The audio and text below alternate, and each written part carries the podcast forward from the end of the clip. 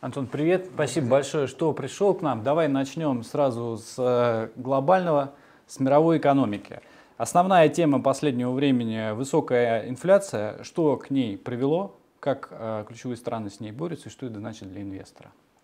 Э, ну, привела совокупность проблем. То есть, во-первых, это печатные станки в 2020 году, в 2021 году. Это разрыв товаропроводящих цепочек и структурная нехватка, в том числе сырья а, во всем мире. И это послужило причиной для инфляции. А, что с этим делают? Ну, а, формально заявляется, по сути, с инфляцией борются сейчас словами больше, заявляется о том, что будет повышаться ставка, хотя пока что заявляют, что она будет максимум повышена до 2,5%, это недостаточно. То есть при текущей инфляции она должна была быть повышена в США там, до процентов 8. То есть она, вообще доставка должна быть обгоняющей инфляцию, а не где-то позади э, тащиться. Они обещают э, начать э, расчищать балансы ФРС, пока этого не видно. Э, и они отключили печатный станок, то есть э, прекратили ликвидность э, вливать на рынке. Но этого недостаточно. А, я думаю, то, что инфляция еще дальше будет разгоняться, то, что сейчас говорят, что это некий пик. А, я думаю, что это еще не пик, еще не э, в инфляцию не вошли э, вот те сырьевые тренды, которые были последние месяца, то есть рост сырья. Это такой запаздывающий эффект, он, как правило, там через 3-4 месяца только появляется э, в ценах и в конечной инфляции. Еще нету эффекта роста зарплат, на их рынках, а, потому что, как они заявляют, а, мы сейчас можем повышать ставки, потому что у нас очень сильный, в том числе, рынок труда. Да, они говорят, что низкая безработица при большом предложении рабочих мест.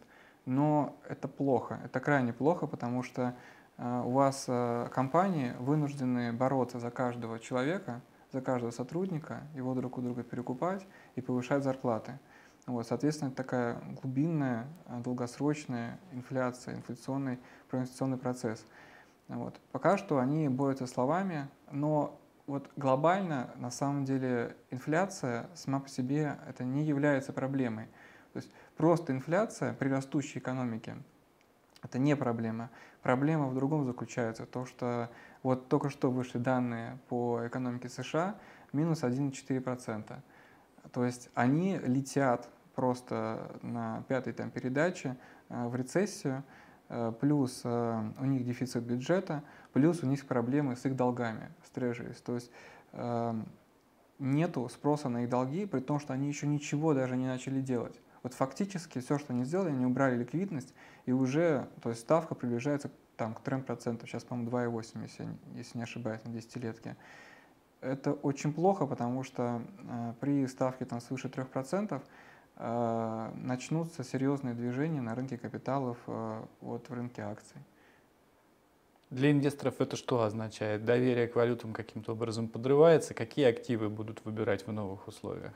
Ну, у нас э, произошло то, чего раньше не было. То есть э, в последнее время всегда то есть, э, доходность там, трежерси была, как правило, ниже инфляции. Да? То есть Э, но был такой столб очень важный, э, когда считалось, что когда ты инвестируешь там э, в американский трежерис или долговые бумаги Европы, ты получаешь надежность. Это, назыв... это были самые надежные бумаги. Да? Бенчмарк. Да. И э, это значило, что это ликвидный рынок, большой рынок ликвидный, и есть, э, ты можешь в любой момент забрать туда свои деньги на свои собственные нужды.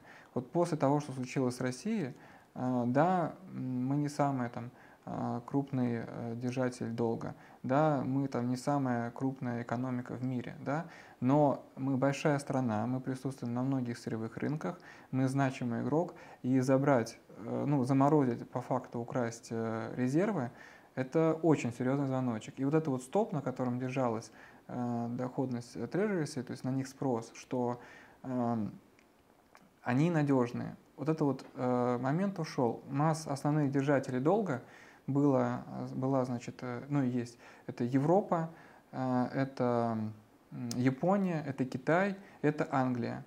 Значит, три союзника и Китай. Да? Китай, ну, по понятным причинам, в том числе из-за Тайваня, из-за там, роста вот этого конфликтности США, э, торговых войн, больше не инвестирует свои деньги в американские трежерис. То есть минус очень крупный игрок, который покупал эти долги. А, Европа, Англия, Япония, у них у самих проблемы, поэтому большие проблемы. А, проблемы по покупательной способности евро, по юаню.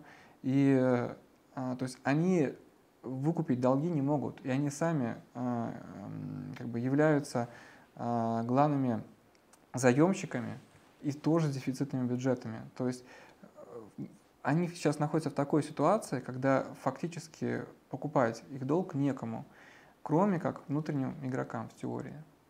Ищут ли инвесторы какие-то альтернативы сейчас а, а, тем же US Treasuries, а, доллару, евро, и в том числе большой капитал, на какие валюты смотрят? Вот, вот здесь надо понимать то, что э, кризис в в трежерсе кризис на рынке акций не значит то, что доллар будет падать. Доллар будет укрепляться, потому что у вас в моменте создается очень большой спрос на него. То есть вы, выходя из каких-то бумаг, номинированных в долларах, а, в том числе, если начнется глубокая рецессия, у вас сырье будет падать. Выходя из активов, вы а, активы номинированы в долларе. Получается, вы даете очень большой спрос на доллар. Доллар может в моменте укрепляться. Там Дальше вот вопрос, что будет дальше происходить, как будут распределяться резервы стран, на что будет ориентир. На мой взгляд, ну вот с точки зрения здравого смысла и логики, единственный э, доступный э, рынок для инвестиций долгосрочных и ликвидный, самое главное, наиболее ликвидный рынок остается только золото.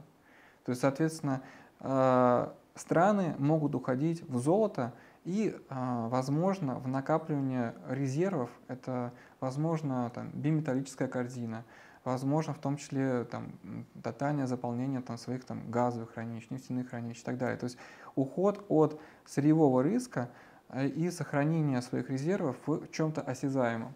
Вот я жду ничего такого, но тут надо тогда затронуть, э, вот, что будет э, с рынком США вот, при, том, при вот этих ставках. А что ты ждешь? А будет ли коррекция? Если будет, а когда, какие сектора в первую очередь под ну, угрозой, ну, на твой взгляд? Во-первых, э, коррекция, она уже идет, она идет с января, это было еще до специальной операции, хотя все на это сваливают, и инфляцию сваливают на это, но это абсолютное лицемерие, тотальное. Реально, смотрите, у вас есть трежерис, Трежерис для крупных инвесторов, крупных фондов, они все равно потенциально интереснее э, в долгосрочно, чем э, рынок акций, потому что акции это все-таки актив э, рисковый, рискованный. Да? Соответственно, при еще сейчас мы находимся в сезоне отчетности, мы видим, как отчитывается компания, компания отчитывается плохо. Они понижают свои будущие прогнозы, они не оправдывают результаты даже за прошедший квартал. То есть мы э, где-то, наверное, в середине пути, но там есть очень серьезный политический фактор, который мы не можем предсказать, это ну, невозможно. Вот, на мой взгляд, э, ситуация такая. У них есть проблема с долгом. Они его профинансировать могут за счет собственного рынка, то есть снизив ликвидность на собственном рынке. Вот как они это будут делать и до какого уровня, это большой вопрос. То есть э, они могут пойти по пути, на мой взгляд, правильному. Это путь, там, условно, как в восьмом году, то есть устроить большой глобальный кризис, э, обрушить рынки, прям по-настоящему обрушить, э, уничтожить многие компании, то есть подвести их под полный настоящий дефолт, обанкротить. Это вызовет гигантский спрос на доллар, укрепление доллара, это вызовет э, тотальное падение всего сырья э, в мире и цен на сырье.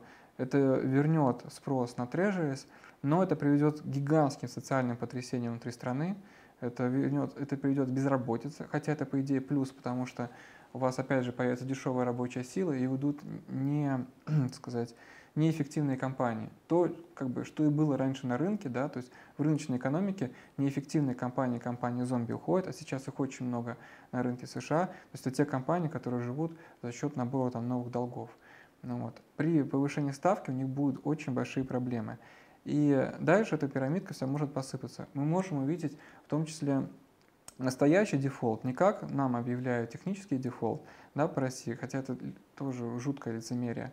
Может быть настоящий дефолт какой-то из стран еврозоны, допустим, Греции, по ее долгам. А, это тоже гигантская ликвидность, которая уходит со счетов а, крупных фондов, там, частных family офисов и так далее. Это может выпустить э, цепочку. Вот первый вариант – это такой глобального негатива, то есть когда рынок полетит полностью под откос, и экономика тем самым полностью перезапустится. Это будет новый восьмой год и опять там 10 э, лет роста или больше или меньше. Но пока это что-то такое глобальное, глобальный перезапуск. Второй, второй сценарий? Второй сценарий, он, э, на мой взгляд, более вероятный, потому что, на мой взгляд, что сейчас у власти э, страны еврозоны и США находятся тотальные популисты, просто популисты. А такие шаги, как в первом варианте, это шаги жесткие и радикальные, очень серьезные, через потрясение. Есть второй вариант, более простой. Опустить рынок до некого приемлемого уровня, когда будут перетекать деньги в трежерис, но не будет какого-то тотального овала. А, либо, даже если он будет, то в какой-то момент полностью запустить обратно печатный станок под каким-либо соусом.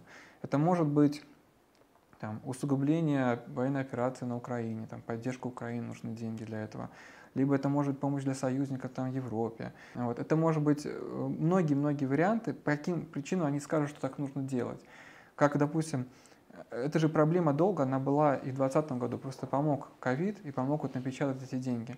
Вот, они могут начать заново печатать деньги, тогда это будет новый виток инфляции, э, еще больше виток инфляции, они выкупят собственные трежерис, у них уйдет эта проблема, у них а, обеднеет население, но инфляция это такое а, обеднение скрытное, потому что ну, вы там покупали молочко за 10 долларов какой-то премиум, будете покупать молочко за 10 долларов попроще, да, то есть, э, или там меньшим объемом.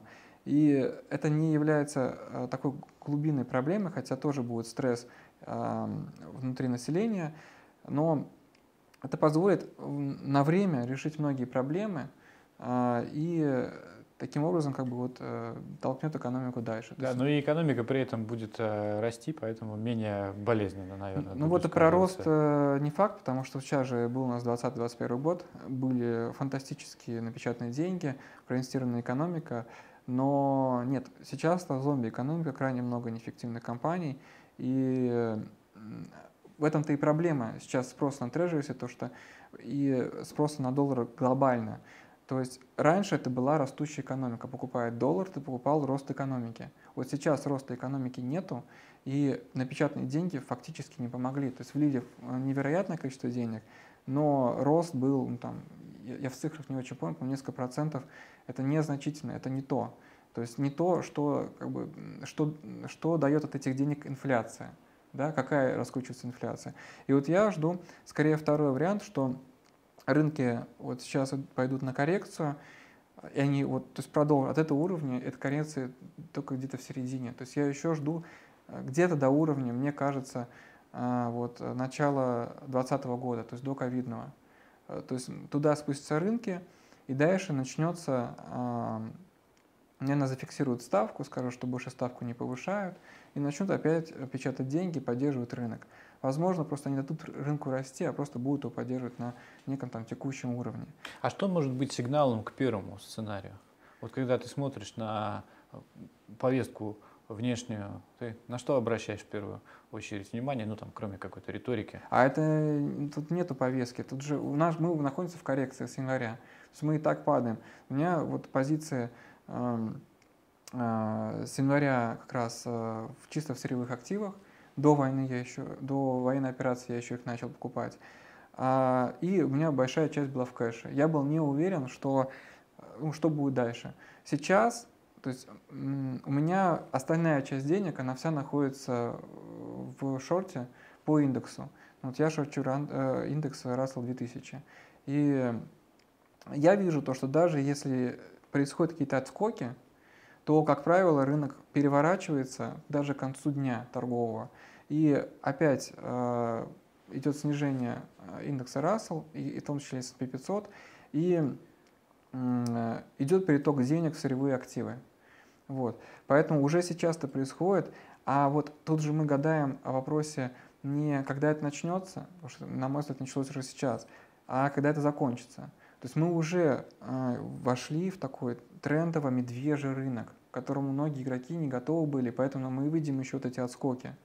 Потому что пытаются купать рынок, пытаются как-то говорить, что вот по текущим ценам э, там бумаги почему-то дешевые, хотя, на мой взгляд, это не так. Там, они крайне дорогие сейчас. По, если смотреть по Фордену по НАЕ, бумаги еще сверхдорогие. Э, и вот идут эти объяснения из старой памяти, того, что рынок как бы всегда растет. Но мы уходим в медвежью э, фазу рынка, а вот первый и второй вариант – это ответ на другой вопрос. Это вопрос, где покупать. То есть, где вот то дно, э, и вот тут нужно следить по риторике, да, уже э, там ФРС, экономических властей США, то есть что они будут делать. То есть, если мы слышим ничего, то есть мы слышим повышение ставки, мы слышим то, что они там э, по-прежнему, ну, они еще не начали, там, они начинают расчищать баланс, расчищают баланс. Вот если мы видим это, то, значит, продолжаем шортить.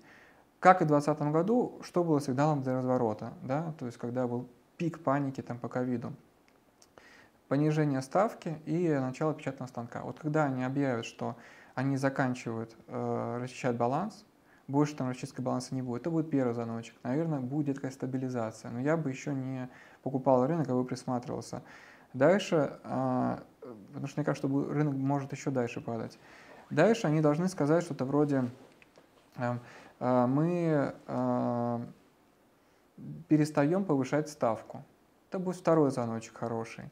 И третий звоночек – это там, мы обратно там, вводим мягкую политику, и мы начинаем печатать деньги. Вот что-то в таком духе. И вот тогда уже это будет знаком второго варианта.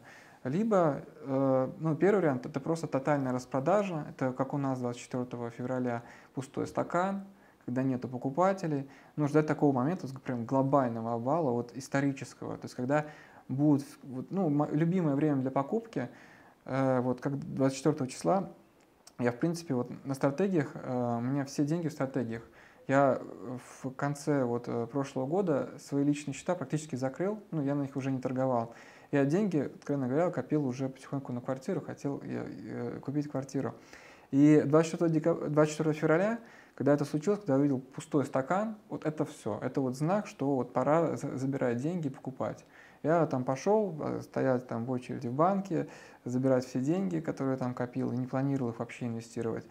А, пришлось обратно на свои личные счета заводить деньги и выкупать рынок, э, потому что это такие исторические моменты. Тут то же самое. То есть мы должны дождаться некого э, маржин-кола.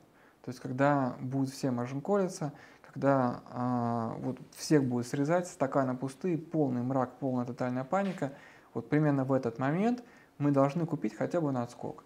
А дальше уже по новостям, то есть там, наверное, скорее всего, будут уже власти выходить и поддерживать рынок. То есть вот какой-то такой вот прогноз э, по Америке. Но у них жутчайшие проблемы, жутчайшие проблемы в Европе. Э, я вообще не понимаю, как они будут жить дальше. То есть, э, по идее, вот их рынок должен полностью лечь под э, там, рынок Китая, то есть под товары Китая, потому что они абсолютно конкретно способны. Плюс, вообще, кстати говоря, э, возвращаясь вот э, в целом и к России, да, очень важная ситуация вот э, с точки зрения военной операции. Для нас вообще будет, я этого жду, большим позитивом, если там начнется серьезная экономические проблемы в еврозоне и в Америке. Вот падают рынки, то есть это ужас. Потому что э, все-таки у них демократическое общество, и в случае э, проблем у населения, очевидно, что население будет выходить на протесты, будет давить на власть, и вот там как будет власть поступать вопрос. А, я, есть у меня надежда, что они прекратят а, поддержку всего, всего этого ада, что происходит э, на Украине, и это все прекратится. То есть либо они там будут давить на украинские власти там, через мирный договор какой-то, там, что соглашайтесь на то, что предлагает там Россия, либо, возможно, прекратится поставка оружия там, что народ будет говорить, что почему мы там столько денег э, спонсируем туда, когда у нас личные проблемы. Такое может быть. Ну вот, вот как-то вот я что-то в таком духе жду, поэтому я к этой коррекции крайне позитивно отношусь. Я в этом плане лицо заинтересовано и с точки зрения финансов, потому что я шарчу, я деньги ставлю. То есть это не слова там, поболтать, да, а у меня реально деньги вложены в то, что я ставлю на падение. И ну, как россиянин тоже, то есть э, для нас это может быть большим позитивом, если у них там начнутся такие серьезные проблемы, как в восьмом году, это будет позитив. Давай поподробнее про российский рынок. Главная тема, естественно, а, конфликт на Украине. Как эти события, вот по прошествии уже практически, даже больше, чем а, два месяца, влияют на ситуацию на рынке сейчас, когда мы прожили там, 60 дней плюс в условиях новой, совершенно новой экономики, в условиях беспрецедентного давления. Какая взаимосвязь каждый день у нас с этим? Проблема этой специальной операции для наших рынков – что каждый день этой специальной операции – это потенциально новые санкции. Мы не знаем, к чему придет эта операция, и непонятны ее результаты. Если это была бы там такая долгосрочная война, как там в Афганистане, там, на года, да, то для рынка и для страны это бы не было такой проблемой, как ни странно. Потому что, ну да, у нас был бы большой военный бюджет, он и был большим. Да, у нас были бы большие бы заказы у военных предприятий, но они были большие. То есть да, это была бы долгая, тяжелая война, но с точки зрения рынков, рынок бы начал жить в этой новой реалии, да, как условно там какой-нибудь израильский рынок, в том, что есть постоянный конфликт. И дальше мы бы считали спокойно, что там наша компания переориентируется на азиатские рынки, что наши компании там здесь могут быть бенефициарами, и вот уже вступает в игру вот вот экономическая составляющая. То есть главное это неопределенность текущая, да? Да. потому что непонятно, а, может ли вернуться предыдущая с какой-то корректировкой, или мы действительно живем по-новому раз и навсегда. Да, э, э, вот эта неопределенность и то, что нас могут давить дальше. Если мы будем серьезно проигрывать, даже если у нас это будет считаться победой, но они будут это считать проигрышем, то тогда будет давление на наших союзников серьезное. Будет давление серьезно на Индию, будет серьезное давление на Китай в том числе. И э, имея э, страну слабую, э, которая будет проигрывать, то э, нам не будут идти навстречу. У нас будут проблемы, нам будет трудно переводить э, наши экспорты, э, наш экспорт э, там, в ту сторону и так далее. То есть это такая глобальная проблема нашего рынка, и за этим приходится следить очень чутко. У нас э, есть время примерно до июня-июля что-то сделать существенное там. Вот нам может помочь э, экономический кризис там. Он есть, он э, виден по цифрам, его невозможно игнорировать. Вопрос, вот когда это отобразится все буквально на непосредственно на рынке акций, в трежерис и в панике на рынках, в панике у людей. То есть в любом случае у них будет э, серьезные движения э, внутри их стран, но вот такие, как сказать, инфляционные, они где-то будут через 6-9 месяцев, допустим. А кризисные, вот, возможно, они будут уже сейчас, чего я жду, и э, это, возможно, нам сильно поможет вот там, на фронте. Пока сейчас как выглядит наш рынок? А, ликвидность очень низкая. А это только из-за отсутствия нерезидентов или есть какие-то еще причины? И как долго такие маленькие объемы могут продолжаться, на твой взгляд? А, да, это в том числе из-за того, что ушли нерезиденты, а точнее их заморозили. А, пока еще не, не произошла расконвертация АДР ГДР, за их счет, за них, э, за их счет тоже вырастет у нас фрифлоут. А, но как э, сейчас, да, сейчас рынок неликвидный, и нужно крайне аккуратно смотреть на котировки, крайне аккуратно. То есть надо понимать у себя в голове то, что рынок сейчас не отображает текущие реалии. А, это не обязательно значит то, что он должен рухнуть. Просто если вы видите, что какие-то котировки сильно растут, не значит, что там происходят какие-то инсайдерские сделки или то, что там что-то происходит серьезное. А, у нас сейчас на рынке 60% рынка держат в физике. Это люди, которые пришли на рынок в 2020 году. А, после точнее во время ковида, да, когда рынки резко упали, вот они пришли.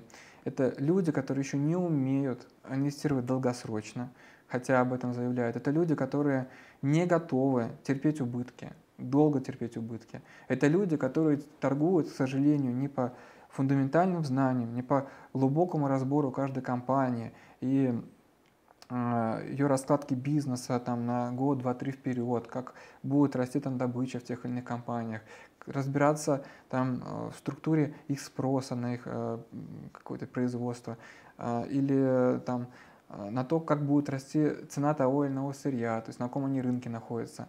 А, к сожалению, физики во многом торгуют эмоционально, и эмоции эти исходят из, в том числе, телеграм-каналов или публичных инвесторов.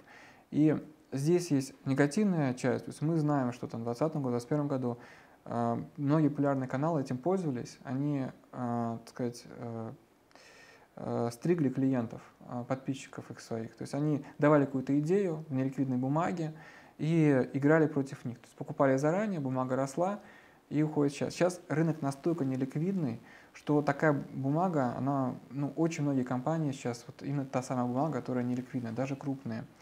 И э, рынок сейчас можно двигать куда угодно. И надо быть крайне аккуратным вот с этой ценой. Как может вырасти ликвидность? Ну, у нас могут появиться какие-то крупные ну, там, э, маркетмейкеры или, тру, или крупные, э, там, может быть, государственные или негосударственные компании, которые будут поддерживать ликвидность в стакане. Денег много не нужно. У нас, э, чтобы вы понимали, можно там, ту или иную бумагу двинуть объемом в 5-10 миллионов рублей. Это один крупный физик.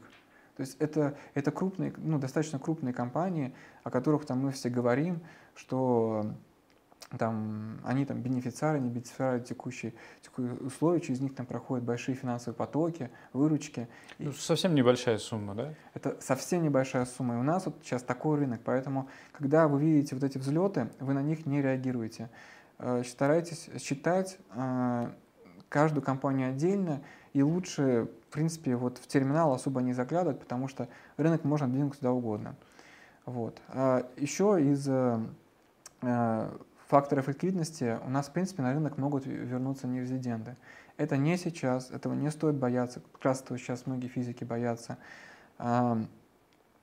потому что слишком вообще много сделал ЦБ и э, наши экономические власти. Я, кстати говоря, вот честно, никогда не поддерживал их. И многое то, что делали наши власти, мне не нравилось. Всегда, последние там 20 лет. Но сейчас, после 24 числа, вот честно, искренне, а, у нас власти действуют настолько правильно с точки зрения экономики, с точки зрения рынка акций. Единственная была ошибка – это открытие рынка 24 числа. Но, видимо, они сами были к этому не готовы, они этого не знали. И просто не было принято быстрое решение. Ну, как, решение было принято за один день, да, и они рынок закрыли. Ну, вот. Но они, то есть э, есть некий этот триллион рублей, да, его, скорее всего, держат для каких-то серьезных потрясений на рынке. То есть не хотят, чтобы рынок упал там существенно ниже 24 числа. А, дальше. А, заморозка нерезидентов. Это работает а, полноценно. Их могут разморозить. Я думаю, что когда будет некий позитив а, с этой военной операции, а, очень не скоро, и размораживать их будет крайне аккуратно. То есть там есть много вариантов. Возможно, для них сделают отдельный стакан. Просто вот они будут торговаться в отдельном стакане сами собой. И там, когда условно стаканы выровняются, там, допустим, стаканы могут соединить вместе. Их могут, допустим, а, с ними могут торговать на внебиржевом рынке. То есть э, конкретно для крупных продавцов будут искать крупных покупателей. То есть они, там, продавцы будут готовы там, продать там, а, свои пакеты существенно ниже рынка. Окей, под них будет искаться, под крупные пакеты, а, там, покупатели крупные. Как, допустим, сейчас вот только что тоже новость пришла, а, как сделали с ТКС, с Тиньковым, да? Нашли крупного покупателя, там Потанин купит у них этот, э, эту долю у него. Вот и, весь, вот и все решение вопроса. Есть давление. вот. И, кстати говоря, тоже вот, сейчас показатель. Когда это были эти новости, как раз через там, телеграм-паблики, через блогеров, ТКС сильно продавливали. А, тем не менее, Это просто новостная торговля. А, в итоге выкупил крупный пакет, и акции сейчас отскакивают, там растут, потому что вот ушел этот негатив. Ты сказал, что позитивно оцениваешь все действия э, регулятора. Что с рублем? Вот, несмотря на все факторы против, э, не только не отскакивает обратно на уровень э, начала марта, а продолжает э, укрепляться. Как думаешь, как дальше будет развиваться ситуация? Ведь очевидно, что сильный рубль, наверное, мало кому сейчас нужен. Ни экономике, ни экспортерам, ни бюджету. Что будет происходить с, э, с рублем и как, на твой взгляд, будет действовать регулятор? Это, похоже, пора же, наверное, ослабить. Совершенно верно, э, что там укрепление рубля невыгодно, потому что будут стоять экспортеры, но здесь надо понимать, что произошло на рынке. И в целом, э, по заявлению вот наших властей, что будет происходить в будущем? У нас сейчас структурно меняется экономика. Благодаря тому, что у нас заблокирован Центробанк, что происходило там последние там, 10-20 лет? У нас всегда был профицитный бюджет, кроме каких-то кризисных годов. Но, как правило, он всегда был профицитный. И у нас было так называемое бюджетное правило, что при определенной цене там, как правило, на нефть, у нас Центробанк выкупал а, с рынка валюту и уводил ее в резервы. Что это значит для экономики? Вообще ничто. Для нас это деньги, которых просто нету. Ну, то есть они где-то лежат в резерве, но они не работают на экономику. Заблокировав Центробанк, на самом деле нам подарили фантастический подарок. Потому что больше Центробанк не может забирать с нашего рынка валюту. И э, знаете, вот даже там на действие, да, когда у случилось 24 числа, я сразу же купил доллар там по 90, хотя 23 числа я не ожидал, а, что будет военная операция, и думал, что к лету рубль существенно укрепится просто из-за сальда торгового баланса. Вот. Но а, когда я услышал, что Центробанк а, заблокирован, и то, что будет на рынок сбрасываться валютная выручка экспортеров вчастую, это такой колоссальный объем для нашего рынка, что ну, вот я тут же продал свою валюту по 120. И дальше сейчас у нас тренд на серьезнейшее укрепление рубля, потому что сейчас рубль торгуется впервые в истории практически исключительно из расчета сальдо торгового баланса. Мы по-прежнему, это не 2014 год, мы по-прежнему торгуем э, задорого. То есть у нас цены на сырье дорогие. Да, мы торгуем с большим дисконтом, это правда. А, кроме того, немногие знают, но а, у нас в нашей компании экспортеров растет дебиторская задолженность.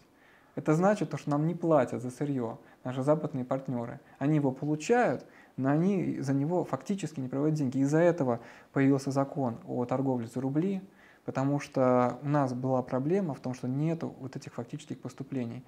Но тем не менее, даже тех поступлений, которые есть, их сверх много, и вся эта валюта, которая выбрасывается на рынок теперь, а, она крайне серьезно а, будет укреплять рубль, потому что у нас ушли компании, а, которые, компании-резиденты, у нас больше нету трат валютных, с нами никто не торгует за валюту. Для нас сейчас евро и доллар – это крайне, крайне токсичная валюта, крайне негативная. Вы ее не можете потратить, или вы ее можете потратить с большим трудом, с большими издержками. Э, я думаю, то, что Центробанк будет дальше э, снижать, но они это и заявляют, они уже это делают, они будут снижать все э, ограничения на валютное хождение уже сказано то, что очень важно, Мишустин сказал, а, что а, была такая фраза, а, в этом году бюджет не будет профицитным. Что это значит? При том, что мы продолжаем торговать сырьем, при том, что цены высокие, мы, вероятно, даже по подсчетам иностранных банков заработаем больше, чем заработали в 2021 году, да, то это значит, что все деньги, которые заработаны, правительство планирует тратить, вкладывая в экономику. Это тотальное импортозамещение. Это, я думаю, это, это еще не объявлено, но мне кажется, что будет снижение налогов для бизнеса. Скорее всего, какие-нибудь социальные налоги, может быть. Скорее всего, должен быть снижен какой-то максимально широкий налог для, именно для бизнеса. А, и вот мне кажется, что дальше следующие шаги, то есть у нас рубль может быть и 65 э, за доллар, а, в смысле доллар, 65 рублей и 60, и он дальше может укрепляться, потому что нужно избавляться от валюты. А, и ситуация, смех ситуация заключается в том, что если раньше бы государство могло бы эти деньги заморозить, да, ну опять отправить в резервы, либо оставить на счетах крупных компаний, но мы теперь прекрасно понимаем, что любой счет любой крупной компании будет заморожен, а, если у нее будет какой-то существенный накапливаться кэш. Им нужно тратить деньги. Вот в условиях полной блокады да, и вот этих вот э, проблем, в условиях этих санкций, какой единственный способ, на мой взгляд, э, избавляться от валюты? На мой взгляд, это целевые кредиты для бизнеса, ультрадешевые валютные, либо это фиксация курса на неком уровне, э, и э, будет залив экономики рублями. Рост денежной массы – это тоже крайне позитив. И это не будет отображаться на инфляцию, потому что э, это целевые кредиты производственные.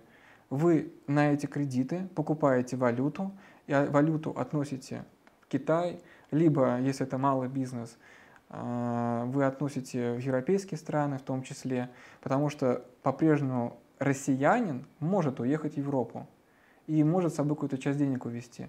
Бизнес и предприниматели всегда найдут способ обойти санкции. Это вопрос исключительно доходности какую с этого можно получить будет доходность. И вот э, я думаю, что будет ставка на средний малый бизнес и ультрадешевое кредитование, целевое, исключительно под бизнес. А также еще вот прошла новость интересная. Э, а, есть новость о том, что вот э, Центробанк очень оперативно, активно пытается ввести цифровой рубль. И я скажу честно, вот, то есть, я человек-оппозиционер вообще-то, да, то есть тот, который раньше ходил на митинги, но не сейчас. Считаю, считаю что это неправильно а, вот, в текущей ситуации. Но а, и вот, что такое, как правило, звучит цифровой рубль? Цифровой рубль – это способ контролировать всех граждан. Да?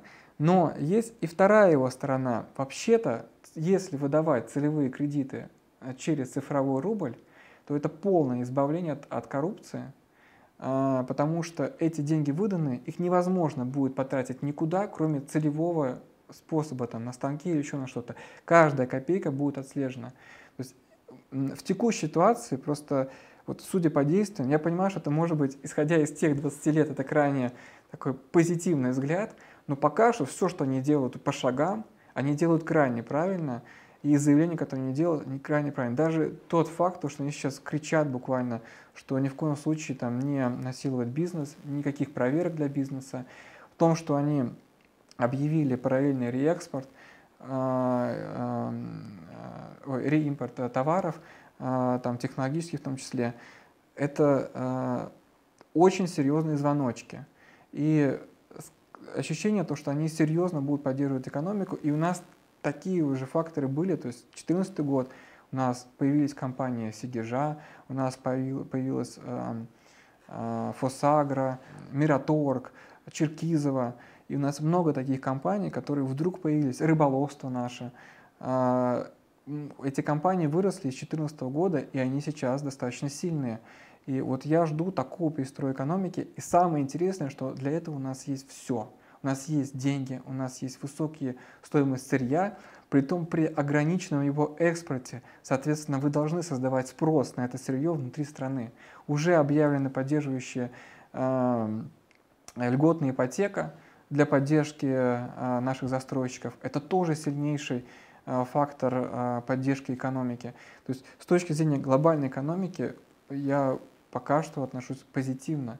То есть э, реально к этому позитивно у нас может быть рост и зарплат, и может быть рост и рабочих мест. Вот. Вопрос только сейчас э, там, э, на Украине.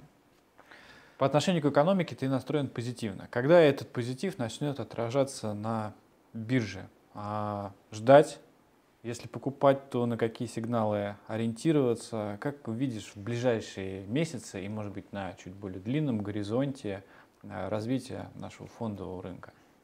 Сейчас в наш рынок нужно инвестировать долгосрочно. А, то есть не стоит ждать какого-то позитива. Какой-то позитив может прийти а, из Украины, это может быть какое-то мирное соглашение, либо какое-то окончание э, ввода новых санкций или еще что-то оттуда.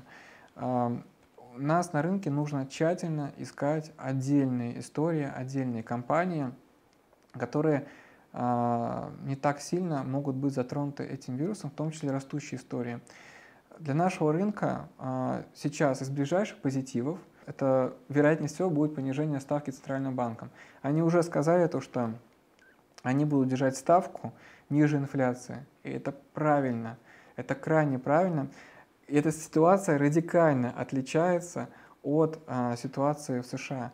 То есть э, если там они а, при стагнации экономики, падающей экономики а, держат ставку низкой, просто разгоняя инфляцию, то у нас а, при инвестиции в экономику, а есть деньги, их нужно инвестировать, другого варианта нету, высокая инфляция не является проблемой при росте экономики. Да, у нас сейчас локально в этом году может а, э, экономика как бы схлопнуться да, на какой-то объем. И то инфляционные ожидания от недели к неделе уже падают. И то есть мы ожидаем, что э, рынок ОФЗ уже то есть прайсит ставку около там, 10-11%. Уже совсем низко. Это низкая ставка. Да, сейчас ставка находится на 17%, но я думаю, что будет снижена к 18%, но по-хорошему должны снижать еще ниже, к 13-12%. Я думаю, это будет постепенно, где-то месяц за месяцем. Вот я жду ближайшее снижение ставки, все к этому созрело. Чем у нас ниже будет ставка, тем больше это позитив для рынка акций. Но здесь есть один такой момент тонкий. У нас люди не привыкли не получать деньги с рынка. То есть они привыкли к дивидендам. И следующим позитивом может быть, что одна, из, или одна или несколько из крупных компаний вдруг заплатят дивиденд. А, вот я лично жду это от «Газпрома». А, «Газпром» может заплатить дивиденд, у него есть деньги, а, конъюнктура рынка позволяет ему заплатить. А, цены на газ высокие, а, да, у него будет расти капекс в следующем году за счет новых, э, новой прокладки труб там, а, в азиатские регионы, но, опять же, у нас металлургия э, с трудом экспортирует металлы, цены на металлы внутри страны не будут серьезно расти, и это не будет какой-то сверхрост капекса, то есть э, они должны, то есть они это подтянут вполне себе спокойно. И Дивиденд, который они могут заплатить сейчас потенциально, это процентов, ну, свыше 20%. В текущих ситуациях даже при ставке 17% это позитив. И у нас может рынок начать переоцениваться и обратно вот в обиход вернется не вот эти вот фразы сейчас, там, эта компания можно покупать, потому что она потенциально не так сильно проиграет. Да, это как бы заведомо какой-то э, такой негативный прогноз. Да, то есть, Пораженческий. Да, да, да. А у нас могут вернуться на рынок вот эти вот прогнозы, что вот эта компания может платить дивиденд, по примеру этой компании, и дивиденд может ставить столько-то. Почему про «Газпром» я, допустим, говорю? Потому что у нас есть пример «Новотека», который уже сказал, что заплатит дивиденд. Я жду, что... То есть я, точнее, не жду... Да, я жду, что у «Новотека» проблем-то будет побольше, чем у «Газпрома». Потому что это компания растущая, и у них много э, в планах строительства новых заводов СПГ, и там в том числе используются технологии иностранные. И вот им будет тяжеловато это все замещать, то есть у них будут расти затраты, а поскольку это компания растущая, то крайне важно видеть этот рост. Если он будет затухать, то у компании будет больше проблем. Тем не менее, компания платит дивиденд. А Газпром, по примеру, тоже может платить по дивиденд, и это может послужить существенным э, влиянием на рынок. И другие какие-то компании э, могут также платить крупные государственные э, компании дивиденд, это тоже повлияет существенно на рынок. Это вот то, что из ближайшего вот я жду позитива. А как ты думаешь, а дивиденды будут платить в первую очередь э, экспортеры? Есть ли еще какие-то претенденты, большие и крупные, выигравшие в прошлом году компании, которые могут ну, переосмыслить свою дивидендную политику, или все-таки боязнь неопределенности сейчас э, очень сильна и что таким? Ну, окей, Газпром, я понял, это такой триггер, да? Газпром да. платит, и всем остальным стоит задуматься. Кто еще из претендентов? Интересно узнать просто имена, на которые ты ориентируешься. Вот э, я честно, вот э, если раньше э, у меня стратегия была на это нацелена, то есть мы, я сидел, считал дивиденды форвардные, которые может компания заплатить через год. То есть не в этом году, а через год. И мы вот по этому принципу покупали, и это приносило хорошую прибыль. В текущей ситуации есть большая неопределенность там э, со стороны э, специальной операции. И э, не очень правильно, на мой взгляд, вот исключительно сейчас на это ориентироваться, потому что многие компании сейчас могут отказаться от дивидендов. Они будут это делать, потому что есть очень большая неопределенность, совершенно правильно ты сказал. И многие сектора пострадали. Я здесь больше стараюсь смотреть на период, будет ли глобально эта, проблема, эта компания страдать, сможет ли она переориентироваться, и если компания бенефициары – на нашем рынке есть. Допустим, это компания там Positive Technology. Это абсолютный бенефициар а, текущей ситуации. Это компания а, по кибербезу, да, кибербезопасности. Озон – это абсолютный бенефициар. У вас ситуация, когда с рынка ушли многие магазины, многие крупные компании, и у вас идет процесс импортозамещения. И в том числе приход новых игроков, азиатских, которые, я абсолютно точно знаю, захватывают наш рынок сейчас и стремятся на наш рынок во многих секторах. И Озон, как крупнейший маркетплейс, э, для них просто будет ну, лучшим местом размещения.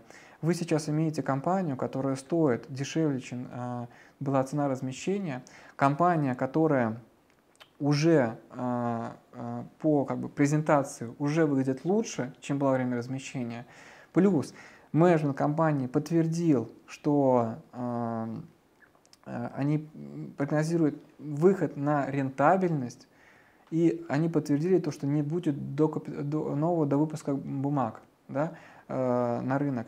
Соответственно, и они не выйдут в убыток. То есть они э, прогнозируют, что они выйдут на рентабельность до того, как у них закончится кэш. Это крайне позитивно. При, при э, растущей конъюнктуре рынка, это из ритейла, при том, что, допустим, весь остальной ритейл я бы не покупал, там ни X5 ритейл групп, ни Магнит, э, потому что ну, когда мы увидим рост заработка у населения и рост э, не среднего чека, а рост товарных групп, то есть когда э, чек будет расти по позициям, когда люди смогут себе больше позволять, а не только растущий там хлебушек и там, молочко, которое просто дорожает, из этого средний чек растет. Вот. Это не, тот, э, не то, из-за чего компания должна расти такая. Вот. Озон – отличная идея. Э, так, позитив – отличная идея. Э, золотодобывающая компания.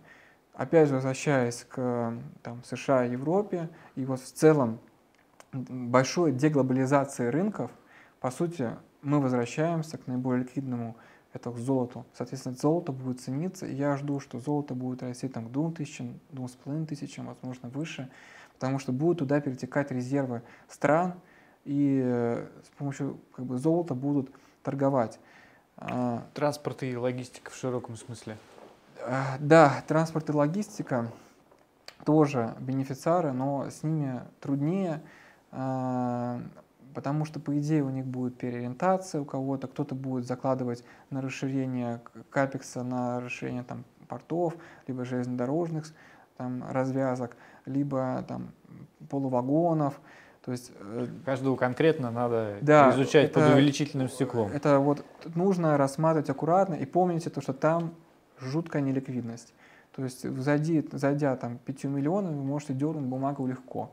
Э, там, на плюс 20, на плюс 30, а об вас могут отхэшиться легко те, кто зашли раньше. Поэтому там так надо аккуратно быть. Вот. Из таких малых компаний это Selecdar, допустим, отлично. А, поле золота, э, там, мне не очень нравится, допустим, как там они действуют по бизнесу, но они тоже бенефициары, у них все понятно. То есть то, что Центробанк будет у них по фиксированной стоимости выкупать золото, какое-то золото они там смогут все-таки продавать какое-то вне Центробанка. В теории это полиметалл, но надо вот дождаться, что будет с компанией, а, они как сделают реорганизацию компании. Но, тем не менее, компания заявила, то, что будут платить дивиденды, они хотят, не заявила, они пытаются их заплатить, они ищут варианты. Тоже потенциальная интересная идея. То есть, э, ну, такие идеи, там, как э, там, Русал или Нурникель, да, но они сейчас стоят недешево. То есть, на мой взгляд, можно поискать идеи в других секторах, которые пока что еще вот недооценены. Главное, кстати говоря, еще вот из, э, тоже, кто интересен, это в теории Мечел, это в теории э, Распадская, ну вот, э, угольщики, потому что цены держатся высокие, э, цены на уголь и будут дальше высокие, потому что вообще до, до смешного с Европой, я просто, я, я поражаюсь, вот, что они делают, потому что э, у нас есть структурные проблемы наращивания сырья. А, у нас мир полностью а, завязан друг на друге. Когда вы отказываетесь от российского газа или от российских других ресурсов, что происходит? Это не значит то, что где-то они есть, где-то их много. Просто ждали, когда вы придете их купите. Это значит то, что они забирают эти ресурсы с других рынков. То есть, допустим, если раньше США торговала, торговала СПГ там, с Азией, Сейчас весь этот конвой а, этих вот танкеров идет в Европу. Соответственно, выросли, выросли цены и в самой Америке на газ, и в Азии. Соответственно, ну окей, мы будем торговать с ними за, по другим ценникам. Да, даже с дисконтом, но цены такие высокие, что мы все равно зарабатываем как никогда раньше. И вот сейчас происходит такая ситуация, что отказываясь от тех ресурсов, они будут переходить на другие – ну, окей, будет переходить на уголь. Значит, уголь будет расти. Мы... Только вот, транзакционные издержки увеличиваются да, у всех и для них, и для нас, да, кризиса. так много дикой лицемерной политики.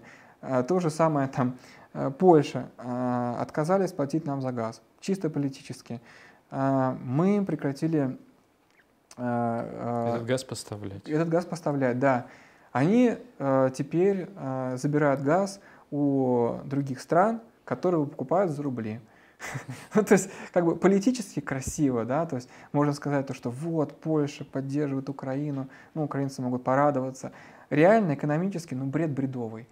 Вот. И здесь вот нужно крайне аккуратно так вот просчитывать сектора, просчитывать отдельные компании, отдельные идеи искать. То здесь как никогда вот, э, играет роль э, такого интеллектуального, сложного инвестирования. То есть вот так, как раньше, типа вкинул деньги в рынок и все растет, вот так уже не будет. Какие-то компании будут расти сильнее, какие-то будут компании расти медленнее. А, нужно исключительно выборочно выбирать отдельные компании. Спасибо большое, Антон. Благодарю. Пожалуйста. Приглашайте еще. Обязательно.